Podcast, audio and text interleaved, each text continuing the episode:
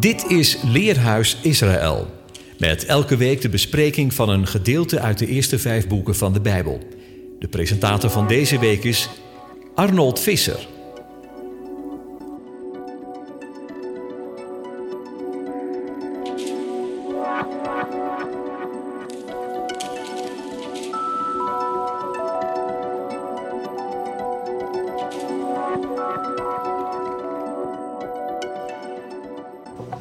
Beste luisteraars, hartelijk welkom bij weer een uitzending van het Leerhuis. Zoals wellicht bekend is het boek Wajikra, Leviticus, een intermezzo tussen Exodus en Numeri. Het gaat niet zozeer om een verhaal. Het omvat slechts een enkele maand bij de berg Sinaï. Het gaat over de priesters die zorg moeten dragen voor continuïteit en orde in de chaos die mensen creëren. Priesters vervullen hun taak als heilige, apart gezette personen die heilige handelingen verrichten op een heilige plaats. De hoofdtekst die deze keer centraal staat is uit Leviticus 16, vers 1. We lezen het tot en met het tiende vers. Het geeft een flashback naar de parasha Shemini. De parasha blikt met de titel Agare Mot na de dood even terug op de aangrijpende gebeurtenis en plotselinge dood van de twee zoons van Aaron. Er staat, de Heere sprak tot Mozes na de dood van de twee zonen van Aaron, toen zij voor het aangezicht van de Heere waren genaderd en gestorven waren. De Heere zei toen tegen Mozes, spreek tot uw broer Aaron en zeg dat hij niet te alle tijden in het heiligdom binnen het voorhangsel mag komen, voor het verzoendenksel dat op de ark ligt, opdat hij niet sterft. Want ik verschijn in de wolk op het verzoendeksel. Alleen hiermee mag Aaron het heiligdom binnengaan met een jonge stier, het jong van een rund als zondoffer en een ram als brandoffer. Hij moet het heilige linnen onderkleed aantrekken en een linnen broek moet over zijn onderlichaam. Hij moet een linnen gordel ombinden en een linnen tulband omwikkelen. Dit is heilige kleding. Hij mag die pas aantrekken nadat hij zijn lichaam met water gewassen heeft. Van de gemeenschap van de Israëlieten moet hij twee geitenbokken nemen als zondoffer en een ram als brandoffer. Dan moet Aaron de jonge stier aanbieden als zondoffer dat voor hem bestemd is en voor zichzelf en zijn gezin verzoening doen. Hij moet ook de beide bokken nemen die voor het aangezicht van de Heere plaatsen bij de ingang van de tent van de ontmoeting. Aaron moet namelijk het lot over de twee bokken werpen, één lot voor de Heere en één lot voor de weggaande bok. Dan moet Aaron de bok waarop het lot voor de Heere gevallen is, aanbieden en hem als zondoffer bereiden. Maar de bok waarop het lot is gevallen om weggaande bok te zijn, moet levend voor het aangezicht van de Heer geplaatst worden, om daarmee verzoening te doen door hem als een weggaande bok de woestijn in te sturen.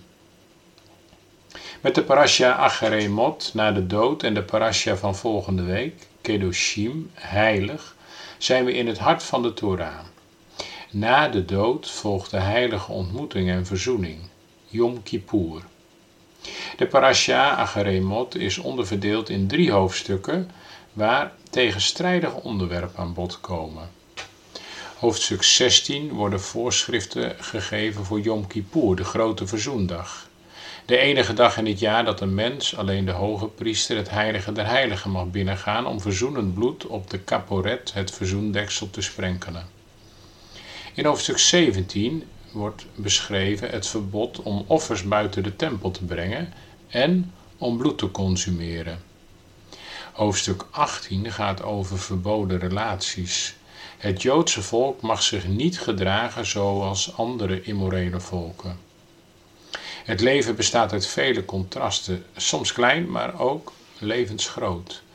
Ook in onze tekst zien we dit terug. Enerzijds een heilig moment, de heiligste dag van het jaar, en anderzijds allerlei waarschuwingen tegen immorele zaken. Contrast tussen goed en verkeerd handelen. Contrast tussen leven en dood. Wanneer we kijken welke schriftgedeelten bij de parasha van toepassing zijn, dan is het uit de Torah Leviticus 16, het eerste vers, tot 18, vers 30. De Haftarah-lezingen zijn uit 1 Samuel 20, 18 tot 42 en Ezekiel 22, 1 tot 19. En de Tweede Testamentlezing is uit Hebreeën 9, het 11e tot het 28ste vers. De eeuwige presenteert zich in de schrift op drie manieren, via schepping, verlossing en openbaring. En elke manifestatie, zien we, heeft zijn eigen stem. In het boek Leviticus klinkt de priesterlijke stem. Hiermee is Wajikra een uniek boek. Als enige van de vijf boeken van de Torah gaat het niet over geschiedenis, het gaat over heiligheid. Eeuwigheid midden in de tijd. Met daarin misschien wel de sleuteltekst van het Jodendom opgenomen. Heb je laaste lief als jezelf. Een gebod dat we hier voor het eerst horen, maar ook de bron van een nog hoger moreel principe. Heb vreemdelingen lief als jezelf, want jullie zijn zelf vreemdelingen geweest in Egypte. In de Torah staat een bepaling die steun geeft aan een daadwerkelijke uitvoering van naaste liefde, ook in het geval van niet-sympathieke personen. In Exodus 23, vers 5 lezen we: wanneer gij, de, wanneer gij de ezel van uw vijand onder zijn last ziet bezwijken, zult gij dit niet onverschillig aan hem overlaten. Gij zult hem zeker helpen met het afladen. Dit had Yeshua wellicht ook voor ogen toen hij het adagium heb uw vijanden lief uitsprak. Mensen zijn niet alleen geschapen naar zijn beeld, maar moeten ook vooral horen naar de roep, Om te handelen zoals hij handelt. We hoeven niet van iedereen als persoon te houden, maar we hebben wel de verantwoordelijkheid om ons te bekommeren om het welzijn van onze naasten en een ieder vriendelijk en behulpzaam tegemoet te treden. Jacobus 1, vers 27 leert ons dat zuiver en onbevlekte godsdienst de zorg is voor wezen en weduwe. En ook in Leviticus 19, vers 9 staat dat het belangrijk is dat er zorg en aandacht is voor de armen. We lezen, wanneer u nu de oogst van uw land binnenhaalt, moet je niet oogsten tot aan de uiterste hoeken van het veld, nog zult u de sprokkelingen van uw oogst verzamelen. Deze wetten vormen de achtergrond uit het verhaal van Rut, de overgrootmoeder van koning David. Rut was een berooide weduwe die meegegaan was en woonde met haar schoonmoeder en ook weduwe Naomi. Wanneer rond Bethlehem, het broodhuis, de tarwe klaar was voor de oogst, ging Rut met andere vrouwen van de gemeenschap de akkers zogeheten nalezen. Zo verzamelden ze hetgeen de oogsten, oogsters hadden achtergelaten. Dit nalezen is nog steeds door de wet toegestaan in het moderne Israël.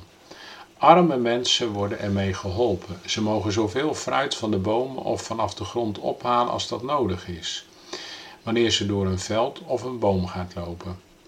Het geeft in herinnering dat het land niet echt aan de landbouwer behoort. Hij is slechts de pachter of de gebruiker. Het land behoort aan de ene.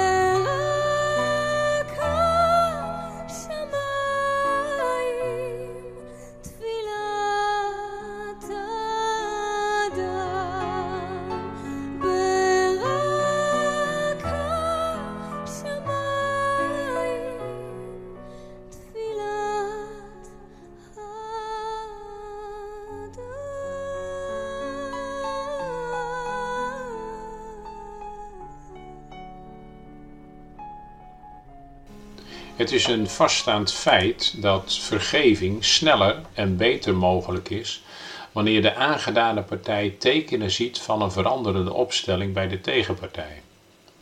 Dit zien we ook terug bij de broers van Jozef tijdens hun driedaagse gevangenschap. Het andere gedrag bleek onder andere uit de heftige pleitreden van Juda voor zijn jongste broer Benjamin. Ook Judas begaandheid met het welzijn van zijn vader, die hij ooit zo'n verdriet had gedaan en bedrogen. Dit bracht Jozef tot de onthulling van zijn ware identiteit, namelijk als hun broeder. Tegelijk deed hij iets dat daarvoor nog nooit zo duidelijk in de Torah was beschreven. Hij bood vergeving. De een paar jaar geleden overleden rabbijn Jonathan Sachs noemde dit een revolutionaire daad in de geschiedenis van de mensheid. Te vergelijken met de uitvinding van de boekdrukkunst, de elektrische motor en internet. Er zijn in de Torah voor de geschiedenis van Jozef wel bewegingen in de richting van vergeving geweest. Kijken we naar Abraham, dan beweegt hij de ene de inwoners van Sodom en Gomorra te sparen. Maar hij dringt niet aan op vergeving van deze zondaren. Jacob nadert zijn boze broer Esau met zeven buigingen en grote geschenken. Hij probeert zijn broer te kalmeren en gunstig te stemmen om af te zien van wraak en geweld. Ze begraven de strijdbel, maar Jacob vraagt niet om vergeving en Esau geeft die ook niet. Jozef vergeeft wel, als hij zegt, maar wees nu niet verdrietig en ziet er niet zo ontsteld uit omdat gij mij hierheen verkocht hebt. Want om u in het leven te behouden, heeft God mij voor u uitgezonden. Het dringt nog niet echt tot de mannen door dat hiermee vergiffenis is geschonken voor de mishandeling. Daarom vragen ze aan Jozef, hun machtige broer, nog een keer om vergeving. Nu dan, vergeef toch de overtredingen der dienaren van de God uws vaders. Wat is er zo revolutionair aan het fenomeen van vergeving? Seks signaleert dat er in vele culturen, bijvoorbeeld ook in de oude Griekse, geen vergeving bestaat. Wel zijn er verwante mechanismen, rituelen van kalmering en zelfvernedering om wraak, geweld en straf te voorkomen. Een voorbeeld daarvan in de Torah is zojuist genoemd, de benadering van Jacob tot zijn broer Esau. Het gaat om culturen waarin schaamte en eer de hoofdrol spelen. In het Jodendom overheerst een cultuur van schuld, schuld die vergeven kan worden. Binnen het Jodendom werd een nieuwe vorm van moraal geboren. Jodendom is hoofdzakelijk een ethiek van schuld in tegenstelling tot de meeste andere systemen die een ethiek van schaamte zijn. Een van de fundamentele verschillen tussen hen is dat de schaamte en schande zich hechten aan de persoon. Schuldgevoel hecht zich aan de handeling. In schaamteculturen is een persoon die verkeerd doet als het ware besmeurd, getekend, verontreinigd. In schuldculturen is niet de dader fout, maar de daad. Niet de zondaar, maar de zonde. De persoon houdt zijn of haar fundamentele waarde. De ziel die u me gaf is zuiver, zeggen wij in onze ochtendgebeden. Het is de daad die op de een of andere manier moet worden rechtgezet. Dat is de reden waarom in schuldculturen en processen berouw en vergeving en verzoening mogelijk is. Dat maakt mogelijk dat de visuele cirkel doorbroken kan worden. De cirkel van actie en tegenactie, van wraak en weerwraak. We hoeven het verleden niet eeuwig te herhalen. Vergeving maakt verandering mogelijk en schept een nieuw perspectief van vrijheid voor de toekomst. Volgens Jonathan Sacks veranderde de mensheid op de dag dat Jozef zijn broers vergaf. Als we vergeven en waardig zijn om vergeving te ontvangen, zijn we niet langer gevangenen van ons verleden. In bijbelse termen is diegene die de ene in het leven hier op aarde dient een tzadik of een rechtvaardige. De dood van de rechtvaardige die verzoent is een belangrijk uitgangspunt in de Torah. In Spreuken 10, vers 25 staat dat de rechtvaardige bouwt op een eeuwig fundament. Als gelovigen uit de volkeren mogen we bouwen en vertrouwen op het rotsvaste fundament van Yeshua. Door zijn offer werd hij de verzoenende middelaar en is ons vergeving genade aangereikt. Kijken we nu naar het ritueel bij Yom Kippur, dan zien we de gelijkenis met de geschiedenis van Jozef. In Genesis 37 lezen wij hoe Jacob zijn zonen Jozef verkopen en de leugen vertellen dat deze door een wild dier is omgebracht. Dit door het mooie kleed met bloed van het geitenbokje te besmeuren en zo Jacob te bedriegen met de tekst. Dit hebben we gevonden, kijk eens goed. Is het misschien het kleed van uw zoon? Hij herkende het en zei: Het is het kleed van mijn zoon. Een wild dier heeft hem verslonden. Jozef is vast en zeker verscheurd. En Jacob scheurde zijn kleren, deed een zak om zijn lendenen en treurde lange tijd om zijn zoon. De Midrash geeft als commentaar zoals Jacob zijn vader Isaac bedroog met een bokje, zo werd hij zelf bedrogen. De passage in de Torah waar Jacob gekleed gaat als Esau en daarna zijn vader Isaac ontmoet, heeft overeenkomsten met Yom Kippur. Rebecca hoort Isaac met Esau spreken en roept Jacob terstond bij zich met de volgende opdracht. Ga naar de kudde en haal daar twee malse geitenbokjes. Dan maak ik een smakelijk maal voor je vader, zoals hij dat graag geeft. In Wajikra lezen we de details voor de offers van Yom Kippur. Eerst dragen Aaron voor zichzelf de stier als zondoffer op om verzoening te bewerken voor zichzelf en zijn familie. Dan brengt hij de twee bokken bij de ingang van de tent der samenkomst en werpt over deze dieren het lot. Het ene voor Hashem, het andere voor Azazel. De bok waarop het lot voor Hashem valt, draagt Aaron als zondoffer op. De bok waarop het lot voor Azazel valt, wordt de woestijn ingestuurd. Volgens Rabbi Ari Kaan zijn de twee bokjes die Jacob naar zijn vader Isaac brengt een profetische handeling doorverwijzend naar Yom Kippur. De mannelijke geiten symboliseren de tweelingen, Jacob en Esau. De Mishnah zegt het volgende: Bij de twee bokken van Yom Kippur is het eigenlijke voorschrift dat ze beide gelijk moeten zijn in kleur, in grootte, in koopprijs en dat de aanschaffing ervan gelijktijdig moet zijn. Joodse geschriften leren ons dat Jacob en Esau bijna identiek qua uiterlijk waren. Jacob was echter niet zo harig als zijn broer. Het Hebreeuwse woord voor geit is saïr, wat harig betekent. Dit is een van de namen van Esau, omdat hij harig was, en tevens de naam van zijn woongebied, Seir. Esau, ofwel Edom, vestigde zich in het Seirgebergte. Esau is een vertegenwoordiger van Azazel. En volgens de Mishnah wikkelde men een rode draad om de zondebok en rood, Edom, dat was een andere naam voor Esau. Er bestaat dus een lange traditie die de zondebok op de een of andere wijze verbindt met Esau. De traditie van de Midrash schetst Jacob als volmaakt en Esau als boosdoener. Maar de Torah is genuanceerder. Esau is geen slecht mens. Zijn vader wilde hem zegenen. De wijzen zeggen dat hij in één opzicht door het eren van zijn vader een groot voorbeeld was. De ene stond er dan ook op dat het volk niet zou proberen om het land van de Edomieten te veroveren. De ene zegt het bergte heb ik immers in eigendom aan Esau gegeven. En Mozes zegt later tegen het volk dat ze de Edomieten met respect moeten behandelen, want dat zijn uw broeders. Esau is in de Torah niet de belichaming van het kwaad, hij is eerder het toonbeeld van impulsiviteit. Jacob is het tegenovergestelde. Hij geeft niet toe aan gevoelens. Alles wat hij denkt of doet is gericht op de lange termijn.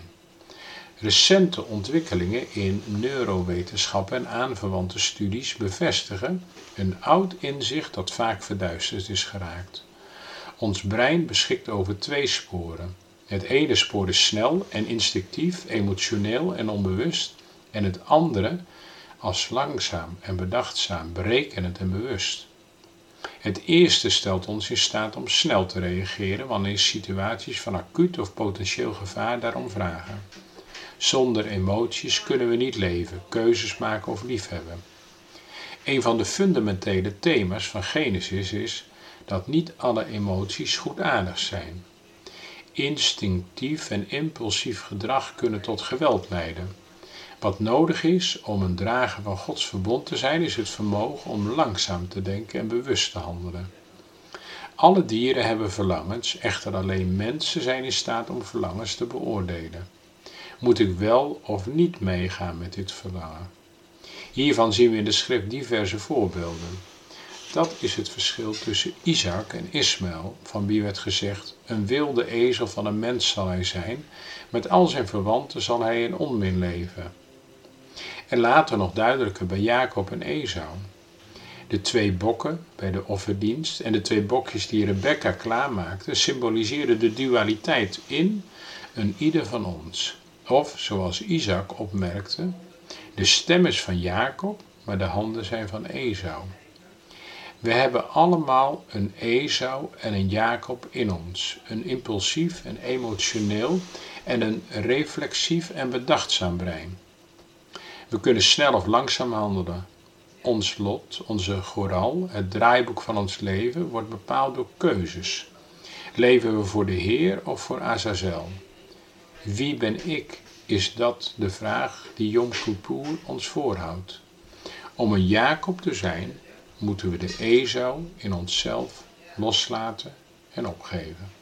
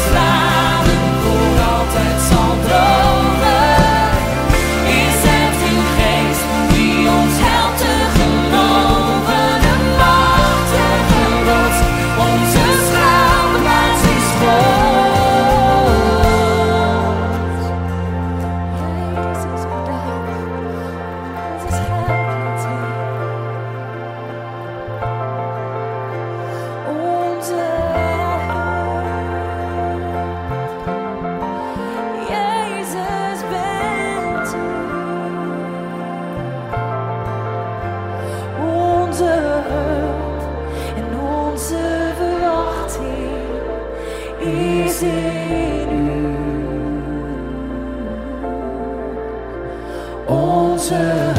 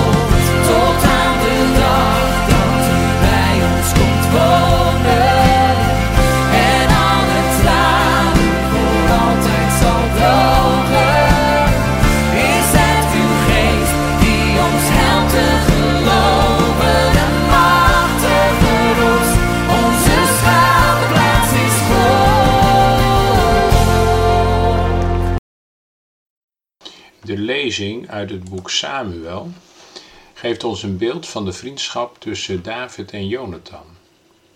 Voor een goede vriendschap is het nodig dat je iets gemeenschappelijks hebt en dat hadden ze ook. Allebei hadden ze een opmerkelijke heldendaad verricht, waartoe ze vanuit zichzelf niet in staat waren geweest. En allebei hadden ze op God vertrouwd en daardoor hadden ze een opmerkelijke overwinning behaald. De heldendaad van Jonathan lezen we in 1 Samuel 14, waarbij hij alleen met zijn wapendrager een heel garnizoen Filistijnen versloeg. Jonathan had God om een teken gevraagd en God had hem dat teken gegeven. Jonathan klom met zijn wapenknecht tegen een bergwand op en met Gods kracht versloeg hij al zijn vijanden. David had de Filistijnse reus Goliath verslagen met een steen uit zijn slinger, terwijl hij op God vertrouwde, die ervoor zorgde dat hij de reus daardoor zou doden. David en Jonathan waren allebei uitzonderingen in het volk Israël door hun heldhaftigheid en godsvertrouwen. Jonathan had gezien hoe David Goliath had gedood en hij herkende de verbondenheid met God in David. In zijn hart ontstond een heftig verlangen naar vriendschap met hem. Er staat, Jonathan voelde zich meteen sterk tot David aangetrokken en vatte een innige vriendschap voor hem op. Saul nam David vanaf die dag bij zich en liet hem niet meer teruggaan naar zijn ouderlijk huis. David mocht een tijd lang bij koning Saul aan huis komen en zo had Jonathan alle gelegenheid om met David kennis te maken en zo ontstond er een wederzijdse vriendschap. We zien in deze bijzondere vriendschapsrelatie dat het belangrijkste in hun leven gemeenschappelijk is, het geloof en de moed een diepe hartsverbondenheid geeft. En dat ontstaat alleen als je de belangrijke verlangens van je hart gemeenschappelijk hebt. Jonathan, die David zo lief had als zijn eigen leven, sloot vriendschap met hem. Hij deed zijn mantel af en gaf die aan David. Ook gaf hij hem zijn uitrusting tot en met zijn zwaard, zijn boog en zijn koppelriem. Dat was een ongelooflijk gebaar van Jonathan. Daarmee erkende de kroonprins de herdersjongen David als zijn meerdere, als diegene die eenmaal koning van Israël zou worden in zijn plaats. Ongetwijfeld had hij gehoord wat de profeet Samuel tegen zijn vader Saul had gezegd, nadat hij de opdracht van God had verknald. U hebt de opdracht van de Heer verworpen, staat er. Daarom verwerpt de Heer u als koning van Israël. En verder, heden heeft de Heer het koningschap van u losgescheurd en hij geeft het aan een ander die beter is dan u. Koning Saul probeerde uit alle macht het koningschap vast te houden om het later over te dragen aan zijn zoon Jonathan. Maar Jonathan had de woorden van de profeet geaccepteerd als woorden van God en wist daarom zeker dat hij zelf nooit op de troon zou zitten. En die ander, die beter is dan zijn vader, wie zou beter in die rol passen dan David, die zo dapper was en zo dicht bij God leefde?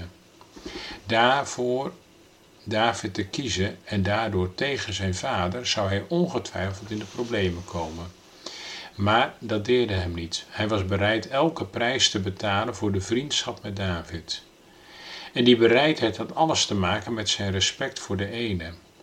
Daarom staat de vriendschap tussen Jonathan en David model voor ware vriendschap. Een driehoeksverhouding tussen twee mensen die allebei dicht bij God wilden leven. In Spreuken 17, vers 17 staat: Een vriend heeft ten alle tijden lief. Toen koning Saul erachter kwam dat Jonathan bevriend was met David, werd hij woedend op zijn zoon. Toen hij zich een keer opwond, gooide hij zelfs een speer naar zijn zoon om hem te doden. De vijandigheid van zijn vader tegenover hem was de prijs die Jonathan betaalde voor zijn loyaliteit aan David. In ruil voor zijn loyaliteit had Jonathan aan David gevraagd om hem plechtig te beloven goed te zijn voor hem en zijn nakomelingen wanneer hij uiteindelijk koning zou zijn. In die tijd kwam het vaak voor dat nieuwe koningen de hele familie van de vorige koning uitroeiden. David beloofde dit plechtig. Ze waren aan elkaar gehecht en tegelijk gebruikten ze hun verstand door verstandige afspraken te maken en zich in te zetten voor elkaars belangen. Het was een vriendschap met inhoud. Korte tijd later moest David vluchten voor koning Saul die hem wilde doden. In die tijd dat David op de vlucht was voor koning Saul, zocht Jonathan hem een keer op. Er staat Saul, zoons Jonathan, zocht David in Goreza op om hem te zeggen dat hij op God moest blijven vertrouwen. Je hoeft niet bang te zijn, zei hij. Mijn vader Saul zal je niet te pakken krijgen. Jij zult koning van Israël worden en ik zal je tweede man zijn. En dat weet mijn vader zelf ook. En nadat ze samen ten overstaan van de Heer hun vriendschapsverbond hadden bevestigd, ging Jonathan terug naar huis. Ook bij deze gelegenheid herinneren ze elkaar aan hun plechtige belofte. Deze keer voegde Jonathan eraan toe dat hij in de toekomst graag onderkoning onder David zou willen worden. Ook dat beloofde David. Toch besloot Jonathan niet om bij Davids leger te blijven, maar hij keerde terug naar zijn vader. Was dat goed of fout? We weten het niet. Hij bleef loyaal aan zijn vader en zolang die nog koning was, en dat is natuurlijk een positieve houding van trouw. In de eerstvolgende oorlog zou hij samen met zijn vader sneuvelen in de strijd. Hij zou bij David veiliger zijn geweest. Toen David een tijd later het bericht ontving dat Jonathan gesneuveld was, reageerde hij heel emotioneel. Jonathan ligt gesneuveld op de heuvels. Het verdriet verstikt me. Jonathan, je was mijn broeder en mijn beste vriend. Jouw liefde was mij dierbaar, meer dan die van vrouwen. Die laatste zin is opmerkelijk en hoezeer David en Jonathan elkaars hartsvrienden waren, vrienden voor het leven. Sommige mensen suggereren dat ze een homorelatie hadden, maar dat is echt ongegronde inlegkunde. De schrift geeft daar geen enkele aanleiding toe. En het had zeker de goedkeuring van de ene niet kunnen wegdragen. De relatie was intiem, maar niet seksueel van aard. Dat zijn twee verschillende dingen. Bovendien, in dat geval, had David zich later niet tot het gevaarlijke overspel met Bathseba laten leiden. Ook David bewees zijn loyaliteit royaal aan Jonathan, ook na diens dood. Toen hij koning was geworden, ging hij na of er nog nakomelingen van Jonathan waren, voor wie hij iets goed wilde doen vanwege de vriendschap en de eed die hij tegenover Jonathan had gezworen. Zo liet David de enige overgebleven zoon van Jonathan, Mephibosheth, op een dag bij hem komen. En David zei tegen hem: Ik zal u goede tierenheid bewijzen, omwille van uw vader Jonathan. Ik zal u alle akkers van uw vader Saul teruggeven en u zult voortdurend aan mijn tafel de maaltijd gebruiken. In Matthäus 6 gaat het over bidden, vasten en het geven van aalmoezen of doen van gerechtigheid. Precies de elementen die genoemd worden met betrekking tot Grote Verzoendag. In Matthäus 5, vers 23 zegt Yeshua: Wanneer dan, gij dan uw gave brengt naar het altaar en u daar herinnert dat uw broeder iets tegen u heeft, laat uw gave daar voor het altaar en ga eerst heen, verzoen u met uw broeder en kom en offer daarna uw gave. Wat Yeshua hier zegt is precies datgene wat in de ontzagwekkende dagen, de tien dagen tussen de Joodse nieuwjaarsdag en Grote Verzoendag aan de orde is. In het Joodse traktaat Yoma, dat handelt over de Grote Verzoendag, staat geschreven: Yom Kippur verzoent de overtredingen van de mens tegenover God. de overtredingen tussen de mens en zijn naaste verzoent Yom Kippur pas wanneer hij zijn naaste gunstig gestemd heeft. En we weten het ook uit onze Vader. Er kan geen sprake zijn van een vergeving van Gods wegen als ons hart onverzoenlijk is en blijft tegenover de naaste. In Matthäus 6 laat Jezus zien dat ook hij grote verzoendag niet afschaft, maar tot zijn doel brengt. Het gaat ook voor de christelijke gemeente om die drie kenwoorden van Matthäus 6: bidden, vasten en het doen van gerechtigheid. In ons avondmaalsformulier wordt de vraag gesteld of we van harte bereid zijn in vrede met onze naasten te leven. Er is geen toegang tot het avondmaal voor hen die weigeren te vergeven. Dat is precies wat er met Grote Verzoendag aan de orde is. Het is de Shabbat der Shabbatten. Ik sluit af met een tekst uit Hooglied 6, vers 3. Daar staat: Ik ben van mijn geliefde en mijn geliefde is van mij. Woorden die de relatie weergeven van de ene met zijn volgelingen. De maand Elul bevat de eerste letters, de Alef, Lamet, Waf en Lamet, van de zojuist genoemde tekst uit Hooglied 6, vers 3. Ani, Lodi, Wodi, Le. De maand Elul gaat vooraf aan Rosh Hashanah, Joods nieuwjaar. Het is een periode dat God zichzelf uitstrekt naar het volk, waarbij het volk berouw kan tonen voor hun zonde. Ik wens u allen een hele gezegende Shabbat Shalom.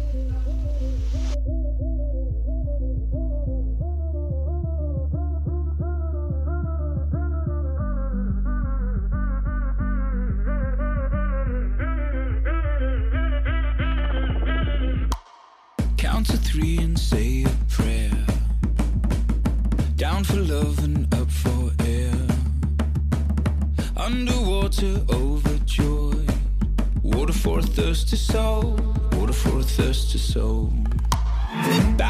Me into your love. Oh, my spirit's overcome. Body, mind, and skin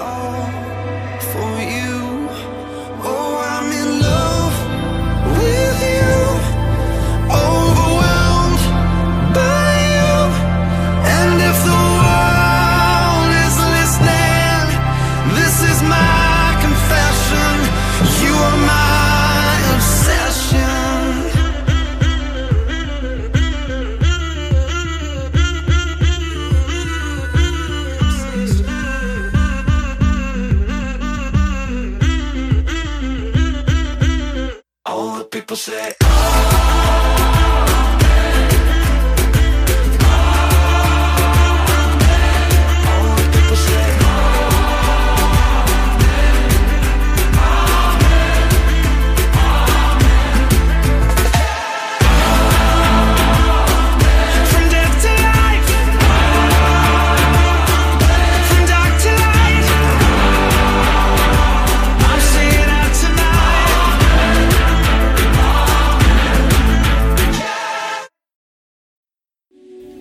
U luisterde naar het programma Leerhuis Radio Israël. Een wekelijkse studie aan de hand van de Bijbelgedeelten die wekelijks door de Joodse gemeenschap worden gelezen. Heeft u een vraag of opmerking? Stuur dan een e-mail naar info-apenstaatje radioisrael.nl. Het leesrooster vindt u op onze website.